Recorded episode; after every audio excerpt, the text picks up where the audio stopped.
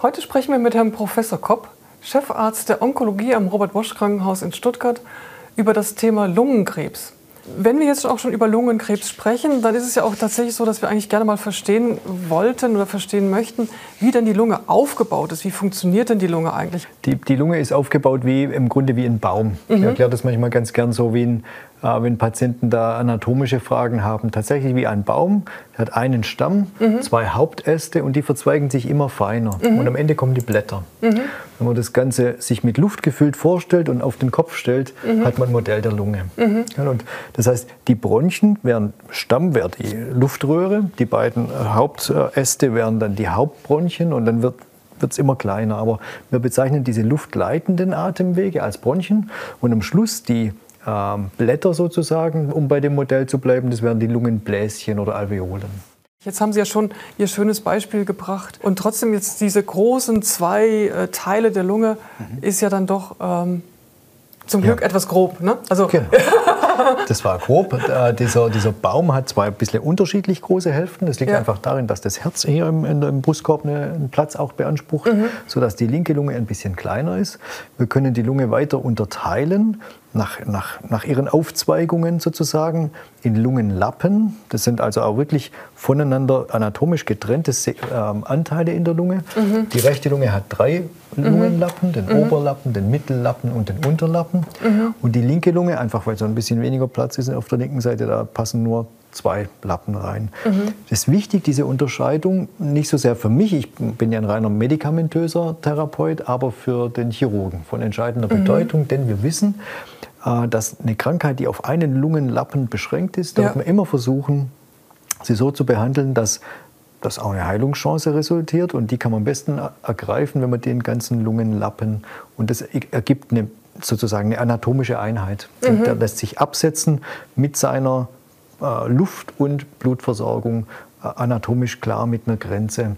Und damit hat man die höchsten Chancen auf eine, auf eine Heilung, zum Beispiel bei einer beschränkten Erkrankung. Also wie die Landmassen manchmal von Flüssen sozusagen getrennt ja, werden. Genau, ja? So genau. kann man, ist es in dem Fall halt auch so, dass eben äh, der die, oder Tumor nicht so gut oder Metastasen können sich nicht so ja. einfach in einen anderen Lappen hineinbilden. Ne? Genau, das könnte man sich quasi okay. vorstellen, wenn Sie ein, ein, Land haben mit ganz vielen Flüssen und Sie legen einen trocken. Mhm die Region, die dann austrocknet. Das mhm. war die Region, die mhm. von diesem Fluss versorgt wurde. Und so okay. ist es mit der Luftversorgung in der Lunge oder ah, mit ja. Blutversorgung. Mhm. Genau. Und dann ähm, ist ein Wort, äh, was ich glaube, was auch relativ häufig vorkommt und mich kommt komplett auch so, wo ich selber sagte, was ist denn das jetzt?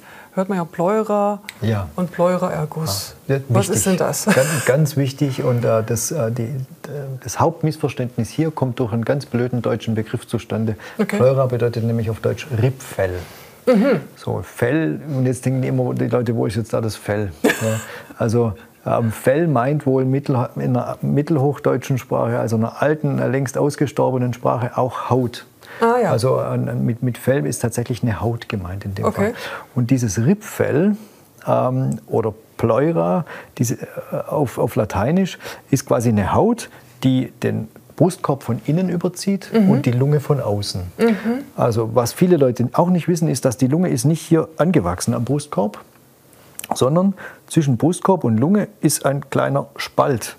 Also man kann sich ganz gut vorstellen, die zwei, die äh, bewegen sich zueinander wie zwei Glasscheiben, äh, die sie miteinander zusammenbringen, indem sie einen Tropfen Wasser dazwischen machen. Ah, okay. Tropfen Wasser, zwei Glasscheiben und dann kriegen sie die nicht mehr voneinander weg. Ja, da kann okay. man feste ziehen. Okay. Aber sie, sind aneinander, sie gleiten aneinander vorbei mhm. und bei jedem Atemzug folgt die Lunge deshalb ja. der Bewegung des Brustkorbs. Ja, natürlich, sonst würde es ja gar nicht funktionieren. Ja, genau. genau. In, de, in, dem Moment, wo Sie da von außen zum Beispiel ein Loch reinmachen ja. oder von innen ein Loch reinmachen und da ist ein Loch in der, auf der Lungenseite, ja. dann schnutzelt die Lunge zusammen. Ah. Die Lunge würde sich sonst nicht entfalten. Die entfaltet sich so, weil sie da dran hängt sozusagen, okay. aber nicht verwachsen hängt. Okay. So, wenn jetzt und da ist jetzt ein Flüssig Flüssigkeitsfilm. So, und da Film. ist ein Flüssigkeitsfilm dazwischen. Und der ähm, da ist ständig in, in, einem Gleichgewicht. Es wird ein bisschen Flüssigkeit gebildet, ein paar Milliliter, und ein paar Milliliter werden auch wieder aufgenommen. Mhm. So, dass das gerade gut funktioniert. Mhm. In dem Moment, wo der, dieser, dieses dynamische Gleichgewicht gestört ist, zum Beispiel weil aufgrund einer Störung, einer Entzündung zum Beispiel, weil ganz viel Flüssigkeit gebildet wird, Oder aber weil diese Flüssigkeit nicht mehr richtig aufgenommen werden kann, weil Lymphgefäße, mikroskopisch kleine Lymphgefäße verstopft sind, durch Tumor zum Beispiel, mhm. dann sammelt sich in diesem Zwischenraum Flüssigkeit an. Mhm. Und wenn es extrem ist, dann kann die Lunge sich gar nicht mehr richtig ausdehnen mhm. und die Patienten mhm. merken, ich kriege nicht mehr richtig Luft. Beschreiben dann auch häufig, ich habe den Eindruck, ich kann gar nicht mehr richtig durchatmen, ich bin schneller äh, außer Atem. Und wenn man dann schaut und untersucht, kann man ganz gut auch hören, häufig, wenn es viel ist, oder beim Abklopfen. Kluckert äh, es oder wie? Beim Abklopfen hört man so eine, äh, dass der drunter nicht mehr hohl ist, ah, okay. sondern einfach ein anderer Schall. Ja. Und beim Abhören hört man an der Stelle nichts. Und ah. drüber hört man die Lunge sich schön, äh, ah, schön okay. äh, durch, mhm. durchlüftet. Dann weiß man, da ist ein Erguss und den kann man auch, äh, würde man dann bei einem Patienten, der sonst bisher nicht krank ist, auch immer versuchen, ganz schnell abzuklären, indem man mhm. zwischen zwei Rippen mit einer Nadel reinpickst und Erguss abzieht, um, um zu sehen, was ist da los. Man kann aus der Ergussanalyse ganz häufig auch schon eine zumindest eine Verdachtsdiagnose stellen. Also das heißt, so ein Pleuraerguss, der tritt, kann auftreten, wenn ich Lungenkrebs habe. Ja. Kann aber auch aus anderen Gründen auftreten, ja, oder? Genau, okay. absolut. Da gibt es ganz viele unterschiedliche Gründe und es ist nicht immer gleich automatisch äh, Lungenkrebs, sondern okay. Viele herzkranke Menschen haben ah, Pleuraergüsse, okay. weil sich mhm. Flüssigkeit in die Lunge so stark zurückstaut, weil die Pumpe davor nicht mehr so richtig funktioniert. Mhm. Dann kann sich auch so viel Flüssigkeit zurückstauen, dass die abgepresst wird. Okay. Ja, und dann behandelt man die Leute einfach mit entwässernden Mitteln. Das hat okay. dann nichts mit Krebs zu tun. Ist es denn spürt man denn Schmerzen bei so einem Pleuraerguss? Typischerweise nicht. Typischerweise nicht. Ah ja, okay.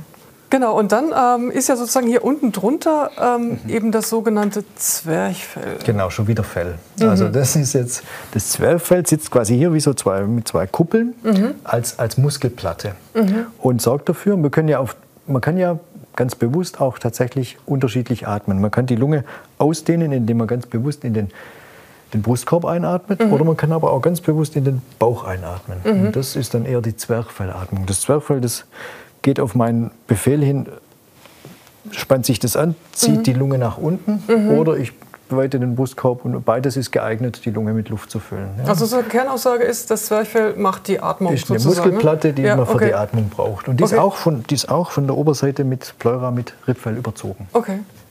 Und da kann auch eventuell äh, es Probleme geben? Oder? Also die, das Zwerchfell macht uns beim, im Zusammenhang mit Lungenkarzinom äh, auf verschiedene Weise manchmal ähm, ein Thema. Das eine ist, dass der, unter Umständen zum Beispiel der Zwerchfellnerv gelähmt sein kann. Oh. Entweder weil, ähm, weil da Krebszellen dran schuld sind, dass der nicht mehr richtig seine Arbeit machen kann. Oder aber manchmal auch tatsächlich nach Operationen, operativen Eingriffen, wo der lädiert wird. Mhm. Und in dem Moment, äh, wo der Zwerchfellnerv nicht mehr funktioniert, steht das Zwerchfell so hoch und ist gelähmt ah. und nimmt nicht mehr an der, an der Atemverschieblichkeit teil. Okay. Das kann man dann, fühlt sich von außen, beim Untersuchen hört sich so ähnlich an, als ob jemand einen Zwerchfellerguss hätte. Das ist aber in Wirklichkeit ein Zwerchfellhochstand. Okay. Ah ja, okay. Das ist das eine. Und das zweite ist, wenn die Pleura, also das Rippfell, das auf dem Zwerchfell sitzt, vom Tumor befallen ist, dann ist das auch immer eine, ähm, einfach eine, ein Ausbreitungsgrad, wo es schwierig wird, ähm, irgendwie operativ ranzugehen. Das mhm. ist dann mhm. für den Thoraxchirurgen manchmal ein extra Thema. Ah ja, okay. Ja, da gehen wir dann auch nochmal im Diagnostik im Film drauf ein, ja. Mhm.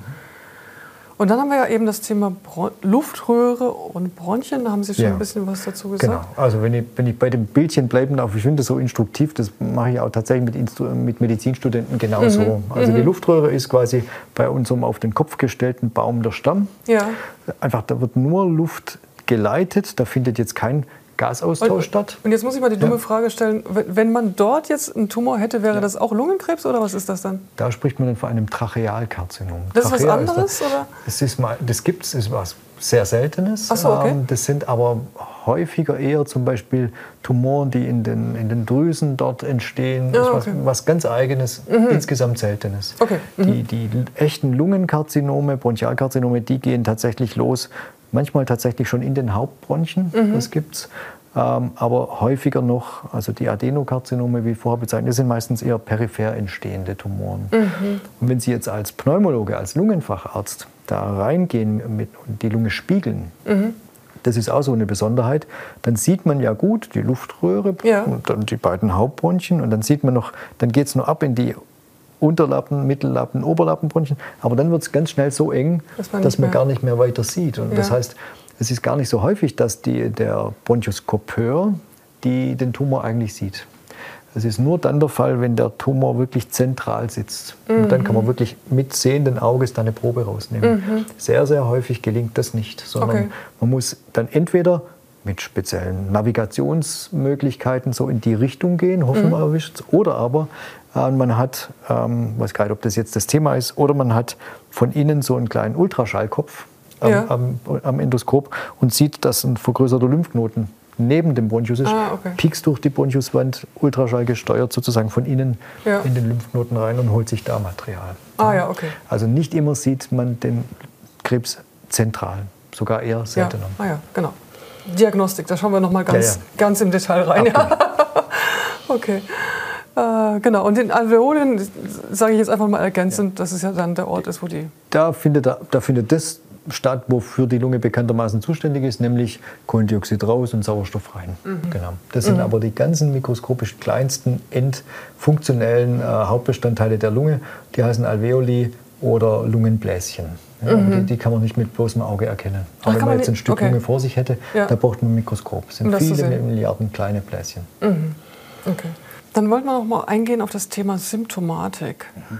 Und ähm, ich glaube, gerade ganz am Anfang der Erkrankung haben die Leute ziemlich unspezifische genau. Symptome. Also das Problem, ein, ein Hauptproblem beim Lungenkrebs ist tatsächlich, dass man das Betroffene den sehr, sehr spät bemerken. Spät mhm. bedeutet erst dann, wenn die Tumoren doch deutlich fortgeschritten sind. Mhm. Die Lunge sozusagen im, im, Inneren hat keine sensiblen Nerven, da mhm. spürt, würde man nichts spüren. Bemerkbar wird Lungenkrebs dann, wenn zum Beispiel die, das Rippfell befallen ist, weil sich dann Erguss bildet. Rippfellbefall bedeutet aber schon automatisch einen fortgeschrittenen Tumor. Mhm. Viele Patienten werden äh, deshalb tatsächlich symptomatisch, weil, sie, weil Metastasen ein spürbares Problem machen. Also ganz häufig ähm, sind tatsächlich die ersten ähm, Manifestationen eine Konzentrationsstörung oder, oh, okay. oder Sehstörungen oder Schwindel als Zeichen von, von Hirnmetastasen. Oder aber Schmerzen, wenn, wenn Knochenmetastasen zum Beispiel problematisch werden. Es gibt sehr wenige Frühsymptome. Auch Husten oder Blutauswurf beim Husten ist meistens auch schon ein Zeichen, dass ein Tumor doch groß geworden ist, dafür sorgt, dass Teile der Lunge gar nicht mehr richtig belüftet werden. Und mhm. dann entstehen zum Beispiel Lungenentzündungen, ah, okay. die dann, man spricht von postzenotischer Pneumonie, also einer, einer Lungenentzündung hinter einer Atemwegsverlegung. Mhm. Ähm, aber das sind eben alles Zeichen einer zumindest örtlich schon fortgeschrittenen Erkrankung. Wenn man den Lungenkrebs wirklich früh erwischen will, dann das ist heute meistens eine Zufallsdiagnose, dann ähm, in, mit einer CT, einer Computertomographie der Lunge. Okay. Ähm, da sieht man dann auch kleine Tumoren, die die Patienten aber einfach nicht spüren. Auf, Röntgen, auf einem ganz normalen Röntgenbild wird man das nicht sehen? Das normale Röntgen ist derart viel grober, dass okay. das zur Früherkennung eigentlich nicht, nicht geeignet ist. Hm. Ah, okay.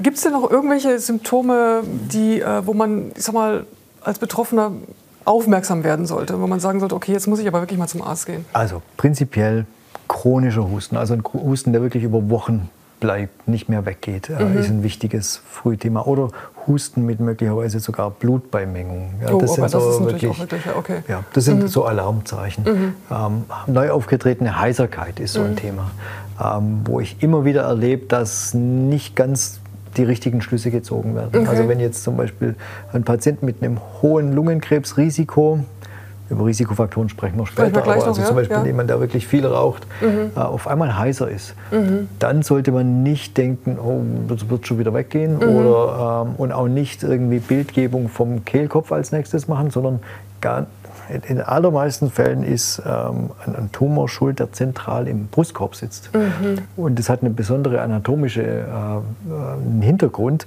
Es gibt der Nerv, der dafür zuständig, zuständig ist, dass die Stimmlippen, also die Stimmbänder ja. aufgehen, ja. der macht eine, so eine Runde um die Hauptbronchien rum nach unten in den Thorax und dann wieder hoch. Ach, okay.